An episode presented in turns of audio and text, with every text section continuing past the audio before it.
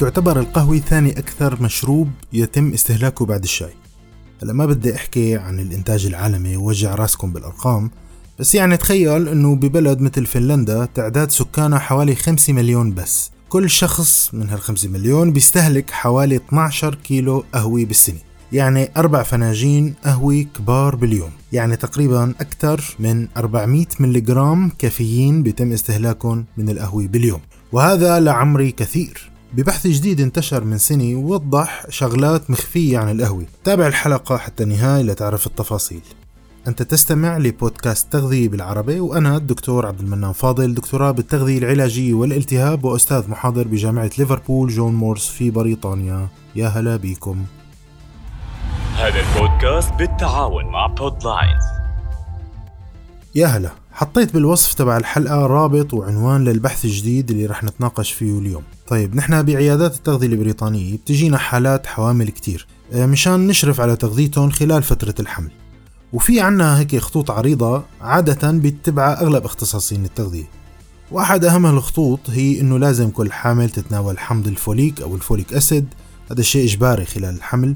وحتى قبله. آه وهذا شيء يعني ما بيختلفوا فيه. التوصية الثانية بقى كمان المتفق فيها هي إنه لازم الحامل تخفف من تناول القهوة لفنجان واحد باليوم أو أقل لأنه القهوة فيها كافيين والكافيين ما كويس كتير للجنين ولا للأم بفترة الحمل. هلأ نحن بعيادات التغذية البريطانية بنوصي الأمهات الحوامل بالامتناع بشكل كامل عن القهوة. ما في قهوة أبدا خلال الحمل. والسبب هو دراستنا وتعمقنا بالتغيرات اللي بتصيب الكبد خلال الحمل. التغيرات غريبة شوي فمن المعروف إنه في عنا إنزيم بيتصنع بالكبد بشكل طبيعي. اسم هالإنزيم هو CYP1A رح ندلعه باسم SIP1A مهمة هالإنزيم إنه بيعمل استقلاب يعني بيحطم الكافيين اللي بيجي من القهوة والشاي والمشروبات الأخرى. ولكن معروف أيضا أنه تصنيع هالأنزيم بالكبد خلال الحمل بصير بقل شوي شوي وبشكل تدريجي. وخصوصا بآخر ثلاثة أشهر من الحمل. يعني بالثيرد ترايمستر أو بآخر جزء من الحمل. وانخفاض تصنيع الإنزيم خطير لدرجة كبيرة. فقد بينت الأبحاث أنه لما بنشرب القهوة أو أي شيء فيه كافيين الكافيين بيكون في له نصف عمر half life ونصف العمر هاد يا طويل العمر هو الزمن اللي بيحتاجه الكافيين لينزل تركيزه للنصف. مرة تانية نصف العمر أو ال half life هو الزمن اللي بيحتاجه الكافيين لينزل تركيزه بالدم للنص. هلا عند الناس العاديين نصف عمر الكافيين هو 3 ساعات. يعني لو بلشنا بتركيز 100 ملغ فرضا فرضا ما هذا الرقم الصحيح.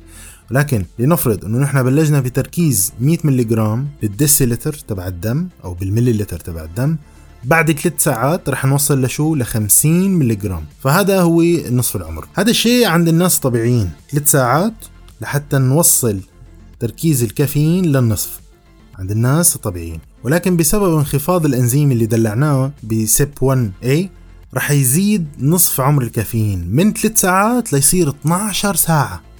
تخيل؟ يعني تخيل إنه الكافيين اللي بتشربه الحامل من خلال القهوة والشاي وأي مشروب تاني رح يبقى بالدم لفترة 12 ساعة بدل ما يضل 3 ساعات بس. وكون الكافيين مركب بسيط من الناحية الكيميائية لأنه يعني هو بيتكون من 8 ذرات كربون وشوية هيدروجين ونيتروجين وأكسجين. فهذا بيسهل دخوله يعني للمشيمة. وأضف إلى ذلك أنه وزنه الجزيئي خفيف.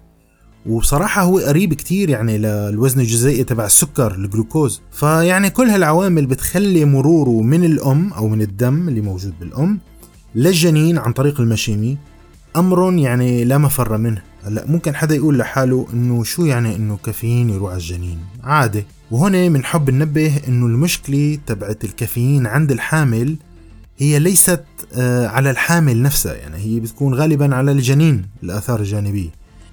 لأنه الأنزيمات اللي عند الأم بتقدر تكسر وتحطم الكافيين وتحوله لمركبات أبسط بيقدر الجسم يتعامل معها مثل ال paraxanthine مثلا.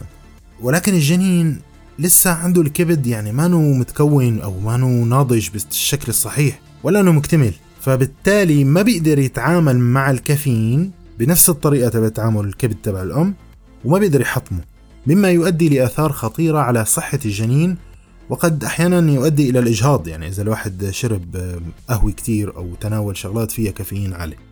التوصيات اللي جاية من منظمة الصحة العالمية WHO تنصح إنه الحوامل فيهم يتناولوا أقل من 300 ملغ كافيين باليوم. وهذا الشيء آمن على الجنين. هذا الشيء اللي بيقولوه هن بال WHO ولكن هالتوصيات منشورة عام 2002 والموضوع اختلف يعني كليا وصار في تطورات كثير يعني بعلم التغذية ويعني بالكشف على تراكيز الضارة للكافيين على الجنين. فبدراسة انتشرت من سنة تقريبا عام 2021 لقوا يا طويل العمر إنه حتى نصف كوب من القهوة أو ما يعادل 50 ملغ كافيين باليوم فقط هذا رح يضر الجنين.